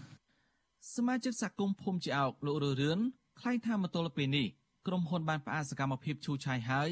ក្រោយពីអ្នកភូមិលើកគ្នាតវ៉ាឲ្យបញ្ឈប់លោកថាដើមឈើធំធំរាប់ពាន់ដើមត្រូវគេកាប់រំលំនៅរយៈពេល2សប្តាហ៍ចុងក្រោយនេះបានធ្វើនៅភូមិស្ដាយសំណោះធនធានធម្មជាតិដែលខំថែទាំអស់ជាង20ឆ្នាំមកហើយលោកប្រកាសចំហថានៅមិនប្រកល់ដីព្រៃនេះវិនិយោគឲ្យក្រុមហ៊ុនដាច់ខាតដោយសារព្រៃជាអាយុជីវិតរបស់ប្រជាពលរដ្ឋនិងសត្វព្រៃជាច្រើនប្រភេទ ហើយចង់ឲ្យទុកទៅគង់វងណាបានឲ្យអង្គការជួយណែបានប្រយោជន៍ព្រៃឈើធំធំល្អឲ្យបានប្រយោជន៍បេះសត្វបេះគួយអត់ដែលដួលព្រៃឈើគ្រប់មុខបានផលច្រើនណាស់ព្រៃកាលពីដើមខែកញ្ញាកន្លងទៅពលរដ្ឋជាង100នាក់បានលើកគ្នាតវ៉ាពីថ្ងៃជាប់គ្នានៅតំបន់ព្រៃសហគមន៍ជាអោដើម្បីទាមទារឲ្យក្រុមហ៊ុនសន្តានារបស់អាញាអុកកំសានបញ្ឈប់សកម្មភាពឈូសឆាយព្រៃសហគមន៍ជាបន្ទាន់អ្នកភូមិចោទថាក្រុមហ៊ុននេះ បានប្រើគ្រឿងចាក់5គ្រឿងឈូសផ្ដួលរលំដើមឈើធំធំរាប់ពាន់ដើមក្នុងព្រៃអភិរក្សមួយនេះព្រៃសហគមន៍ភូមិជាអោកឬហៅម្យ៉ាងទៀតថាតំបន់ការពារធម្មជាតិជាអោបឹងព្រៃគឺជាផ្នែកមួយនៃដែនចម្រុះសត្វព្រៃបឹងប៉ែដែលមានផ្ទៃដីជាង2000ហិកតាព្រៃសហគមន៍នេះបានចុះបញ្ជីទទួលស្គាល់ដោយក្រសួងបរិស្ថាន កាលពីឆ្នាំ2003ស្ថិតក្នុងភូមិជាអោកឃុំរមរីស្រុករវៀងខេត្តព្រះវិហារអ្នកភូមិថាព្រៃការពារនេះមានសត្វព្រៃកម្រជាច្រើនប្រភេទរនៅ រួមមានសត្វទន្សោងស្វាខ្ទីងប្រើសក្ងោកនិងជ្រូកព្រៃជាដើមខ្ញុំសនចាររថាវិទ្យុអេស៊ីសរ៉ៃរាយការណ៍ពីរដ្ឋធានីវ៉ាស៊ីនតោន ចាលោកនាងកញ្ញាប្រិមមអ្នកស្ដាប់ការផ្សាយរបស់វិទ្យុអេស៊ីសេរីទាំងអស់ជាទីមេត្រីចាតកតងទៅនឹងការកាប់បំផ្លាញព្រៃឈើនេះដែរនៅឯខេត្តកោះកុងឯនោះវិញព្រៃកោងកាងទំហំ63ហិកតាដែលជាប្រភពចំណូលនេសាទយ៉ាងសំខាន់របស់ពលរដ្ឋជាច្រើនពាន់គ្រួសារនៅក្នុងខេត្តនេះកំពុងប្រឈមការកាប់ទន្ទ្រានដើម្បីយកដីធ្វើជាកម្មសិទ្ធិបុគ្គលអស់ជាច្រើនហិកតាពលរដ្ឋជាង200គ្រួសារបានដាក់ពាក្យប្តឹងសុំកិច្ចអន្តរាគមន៍ទៅអាជ្ញាធរភូមិឃុំស្រុកហើយនិងក្រសួងបរិស្ថានដើម្បីទប់ស្កាត់និងស៊ើបអង្កេតរកជនល្មើសមកផ្ដន់ទាទោសតាមច្បាប់ប៉ុន្តែគ្មានដំណោះស្រាយនៅឡើយទេមកទល់ពេលនេះចាស់ពីរដ្ឋធានី Washington លោកលេងម៉ាលីរាយការណ៍អំពីរឿងនេះ ពលរដ្ឋជាង200គ្រួសាររស់នៅក្នុងភូមិចំនួន8ក្នុងឃុំជ្រោយស្វាយស្រុកស្រែអំបិលរិះគន់អាជ្ញាធរខេត្តកោះកុងថាមិនអើពើដោះស្រាយពាក្យបណ្ដឹងរបស់ពួកគាត់ដែលពឹងឲ្យអាជ្ញាធរជួយទប់ស្កាត់សកម្មភាពកាប់បំផ្លាញព្រៃកោងកាងអស់ជាង12ហិកតាជាថ្មីទៀតនៅរយៈពេល6ខែចុងក្រោយនេះអ្នកភូមិអះអាងថាពួកគាត់បានកំណត់អត្តសញ្ញាណជនសង្ស័យ5នាក់ដែលជាមេខ្លោងខុបខិតកាប់ព្រៃកោងកាងខុសច្បាប់ ប៉ុន្តែអាជ្ញាធរនៅតែរារែកមិនអើពើចាត់វិធានការច្បាប់តំណាងពលរដ្ឋនៅស្រុកស្រែអំបិលលោកអ៊ុយសរនប្រាប់វិទ្យុអស៊ីសេរីនៅថ្ងៃទី27តុលាថាព្រៃកោងកាងនៅតំបន់នោះមានទំហំសរុប63ហិកតា ដែលជាជំរកត្រីពងកូន និងជីវៈចម្រុះសម្បូរបែបកំពុងប្រឈមការបាត់បង់ជាបន្តបន្ទាប់លោកបន្តថាពលរដ្ឋនៅមូលដ្ឋាន5នាក់បានខົບខិតគ្នាជាមួយអាជ្ញាធរមួយចំនួន និងមេសហគមន៍នេសាទសម្រុកកាប់ទន្ទ្រានព្រៃកោងកាងអស់ជាង10ហិកតាធ្វើឲ្យពលរដ្ឋរាប់រយគ្រួសារកើតទុក្ខមិនសុខចិត្តសម្បត្តិជាតិសម្បត្តិធម្មជាតិរបស់រដ្ឋនេះបាទវាសំខាន់ណាស់លោកក្មួយនិយាយពីរឿងធនធានធម្មជាតិវិញ គឺវាបាត់បង់នៅដូចជាជីវៈចម្រុះក្តាមខ្យងត្រីបង្គា បាទអាហ្នឹងគឺវាវាប៉ះពាល់ច្រើនណាស់ប៉ះពាល់ដល់ រដ្ឋហេតុអីបានថាប៉ះពាល់ដល់រដ្ឋពីព្រោះអាជនប្រព្រឹត្តហ្នឹងវាកាប់យកធ្វើជាឯកជនយកដីរដ្ឋហ្នឹងបាទពលរដ្ឋរូបនេះបន្ថែមថាអ្នកភូមិជាង200គ្រួសារបានរួមគ្នាដាក់ពាក្យប្តឹងសុំកិច្ចអន្តរាគមន៍ទៅអាជ្ញាធរឃុំស្រុកនិងខេត្តជាច្រើនលើកមកហើយតែគ្មានដំណោះស្រាយនៅឡើយទេរីឯជនល្មើសនៅតែបន្តសកម្មភាពកាប់ទន្ទ្រានព្រៃកោងកាងដើម្បីយកដីធ្វើជាកម្មសិទ្ធិនៅកន្លែងដែលពលរដ្ឋនេសាទត្រីចិញ្ចឹមជីវិត ប្រជាសហគមន៍នេសាទគឺលោកញៀវហាជស្ដាយព្រៃកោងកាងដែលជាជំរកត្រីពងកូននិងជាឆ្នាំងបាយរបស់ប្រជាពលរដ្ឋជាច្រើនភូមិក្នុងឃុំជ្រោយស្វាយនេសាទត្រីជាលក្ខណៈគ្រួសាររកប្រាក់ចំណូលចិញ្ចឹមជីវិតកំពុងប្រឈមវិនាសហិនហោចលោកបញ្ជាក់ទៀតថាអ្នកភូមិអាចរកប្រាក់ចំណូលពីការនេសាទត្រីចាប់ពី40000រៀលដល់ជាង100,000រៀលក្នុងមួយថ្ងៃពីព្រៃកោងកាងនៅតំបន់នោះ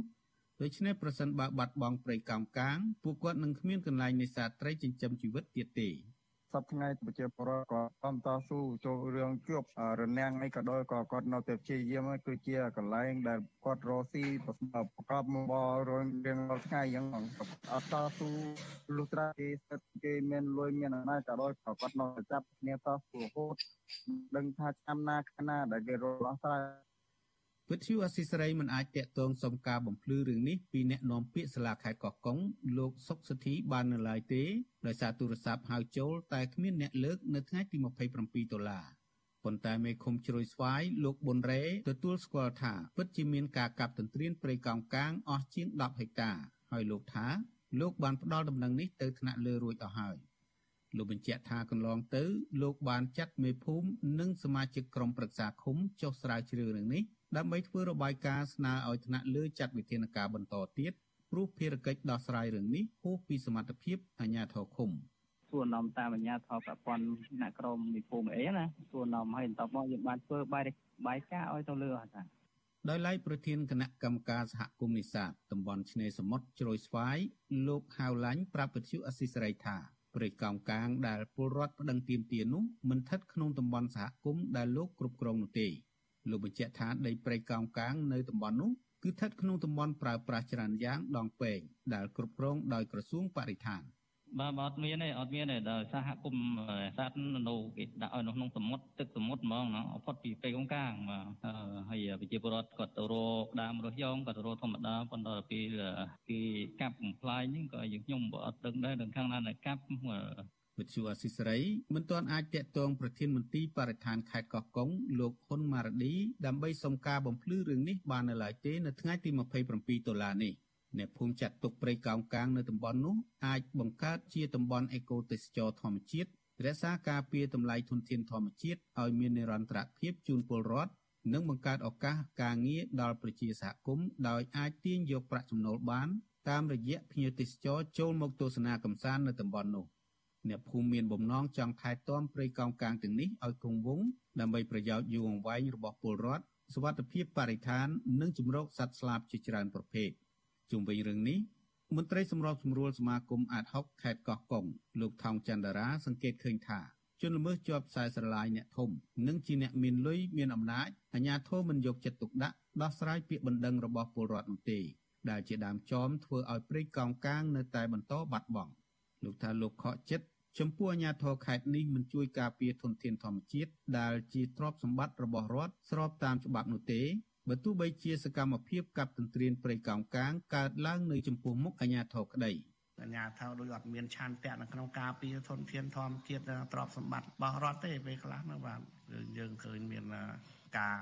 ការបរៀនតន្ត្រៀនកន្លងមកច្រើនកន្លែងមកហើយដូចថាដល់មានការផ្សព្វផ្សាយអីព័ត៌មានច្រើនហ្នឹងទៅបានគាត់ទៅទប់ស្កាត់គាត់មានវិធានការអីទៅលើអ្នកដែលកាប់រៀនតន្ត្រៀនមិនតែមិនមានការអនុវត្តផ្លូវច្បាប់អីបានតឹងរឹងអីច្បាស់លាស់ទេគាត់ពេលខ្លះទៅគាត់ការជួបគ្នាដោះស្រាយតាមរបៀបបែបរដ្ឋបាល ប្រជាសហគមន៍នេសាទប្រាប់ថាព្រៃកោងកាងស្ថិតក្នុងតំបន់ឆ្នេរសមុទ្រជ្រោយស្វាយនៃភូមិជ្រោយស្វាយលិចឃុំជ្រោយស្វាយស្រុកស្រែអំបិលជាប្រភពសេដ្ឋកិច្ចយ៉ាងសំខាន់របស់ពលរដ្ឋ8ភូមិនេសាទត្រីរកប្រាក់ចំណូលដោះស្រាយជីវភាព និងទទួលប្រយោជន៍ពីភ្ញៀវទេសចរទៅទស្សនាកម្សាន្តអ្នកភូមិបារម្ភថាប្រសិនបើបាត់បង់ព្រៃកោងកាងនោះនឹងបង្កឲ្យប៉ះពាល់ដល់ជំរកត្រីពងកូនសត្វស្លាបជីវៈចម្រុះសមុទ្រនិងជីវភាពសហគមន៍ធ្លាក់ចុះជាដើម ខ្ញុំបាទលេងម៉ាលីវិទ្យុអស៊ីសេរីរាយការណ៍ពីរដ្ឋធានី Washington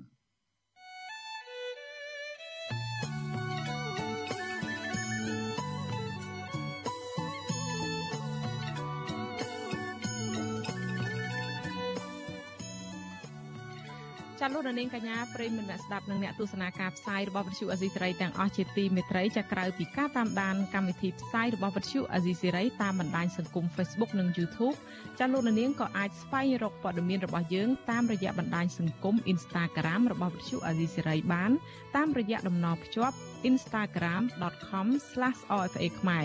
ចាវិទ្យុអេស៊ីសេរីបន្តខិតខំផ្សព្វផ្សាយព័ត៌មានពិតទៅកាន់បងប្អូនតាមរយៈបណ្ដាញសង្គមផ្សេងផ្សេងនិងសម្បូរបែបដើម្បីឲ្យលោកនាងអាចងាយស្រួលតាមដានការផ្សាយរបស់វិទ្យុអាស៊ីសេរីបានគ្រប់ពេលវេលានិងគ្រប់ទីកន្លែងតាមរយៈទូរស័ព្ទដៃរបស់លោកនាងចាសសូមអរគុណ។ ចាលោកនាងកញ្ញាប្រិមមអ្នកស្ដាប់ជាទីមេត្រីអតីតសមាជិកសភាអូស្ត្រាលីលោកហុងលឹមបន្តជំរុញទៅតុលាការទីក្រុងភ្នំពេញឲ្យទម្លាក់ចោលបទចោលប្រកាន់លើក្រុមយុវជនបរិស្ថានដែលត្រូវតុលាការកាត់ទោសឲ្យជាប់ពន្ធនាគាររយៈពេល20ខែប៉ុន្តែបែរជាទម្លាក់ចោលនៅបទចោលប្រកាន់លើរូបលោកក្នុងបទចោលប្រកាន់ញុះញង់ដូចគ្នាទោះជាយ៉ាងណាមន្ត្រីគណៈបកកណ្ដាលអំណាចថាគ្មានអ្នកណាអាចបញ្ជាតុលាការបានឡើយចាប់ពីរដ្ឋធានី Washington លោកទីនសាការីយ៉ារាយការណ៍រឿងនេះ អតីតសមាជិកសភាអូស្ត្រាលីដល់កំណត់ខ្មែរលហុងលឹមមិនស្វាគមន៍តុលាការដែលទម្លាក់បទចោទលើរូបលោកនោះទេ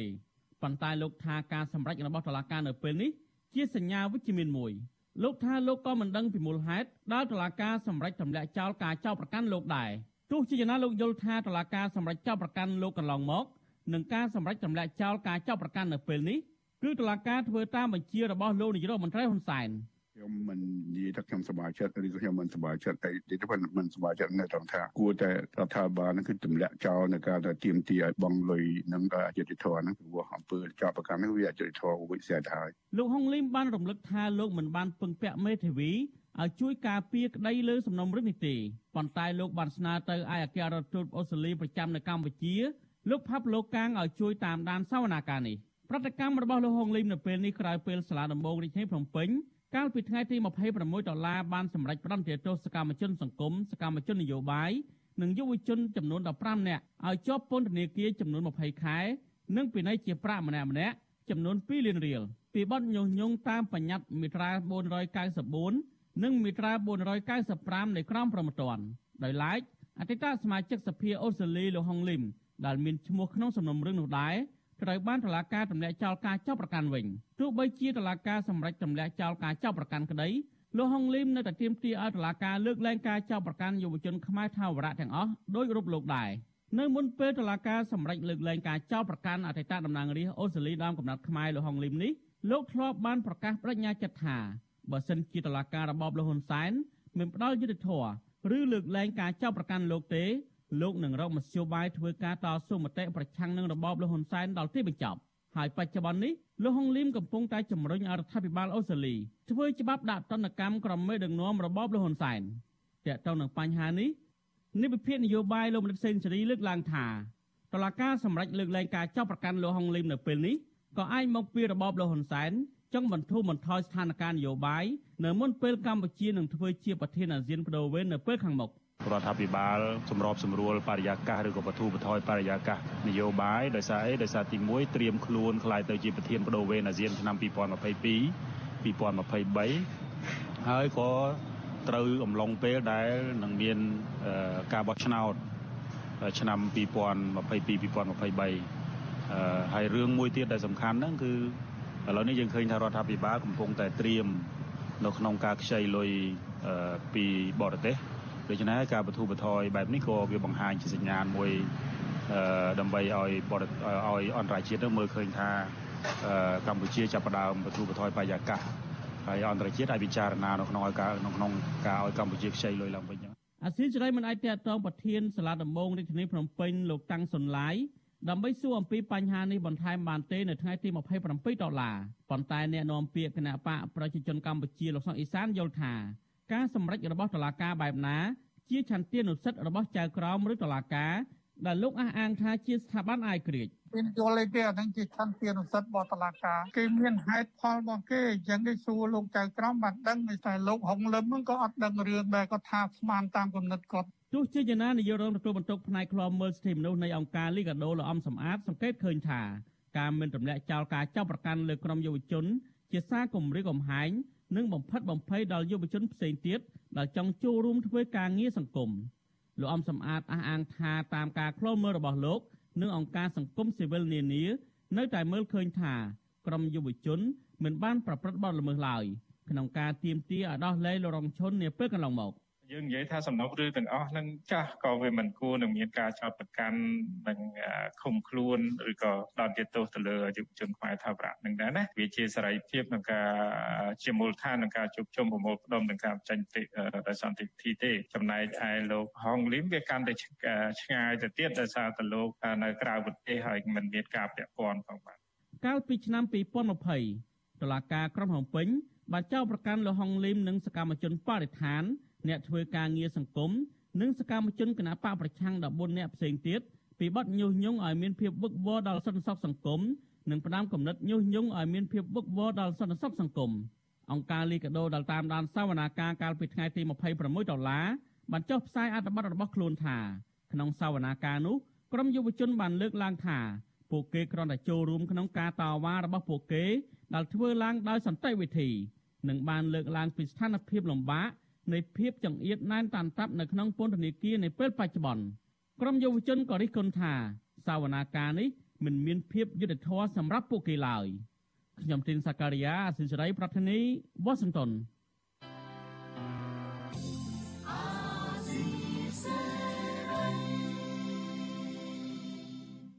ចាលោកនាងជាទីមេត្រីចាសម្រាប់លោកនាងដែលកំពុងតែតាមដានស្ដាប់ការផ្សាយរបស់យើងតាមរយៈរលកធាតុអាកាសខ្លីឬក៏ shortwave នោះលោកនាងនឹងមិនលឺការផ្សាយរបស់យើងទៀតទេប៉ុន្តែលោកអ្នកដែលកំពុងតែទស្សនាការផ្សាយរបស់យើងតាមបណ្ដាញសង្គម Facebook និង YouTube សូមលោកនាងនៅបន្តជាមួយយើងចំនួន30នាទីទៀតចាហើយនៅពេលបន្តិចទៀតនេះយើងនឹងមានអ្នកស្រីសុជីវីដែលគាត់នឹងចូលមកធ្វើបទសម្ភាសន៍មួយជុំវិញតកតងទៅនឹងការសម្រេចរបស់សាលាដំបងរាជធានីភ្នំពេញដែលទម្លាក់ចោលនៅបទចោលប្រកាន់លើអតីតសមាជិកសភាអូស្ត្រាលីដើមកំណើតខ្មែរតើតើលោកនាង បានដឹងហើយថាតើតុលាការក្រុងភ្នំពេញសម្រេចរឿងនេះដោយឈលលើវិជ្ជាជីវៈឬដោយហេតុផលអ្វីផ្សេងនៅពីក្រោយដោយ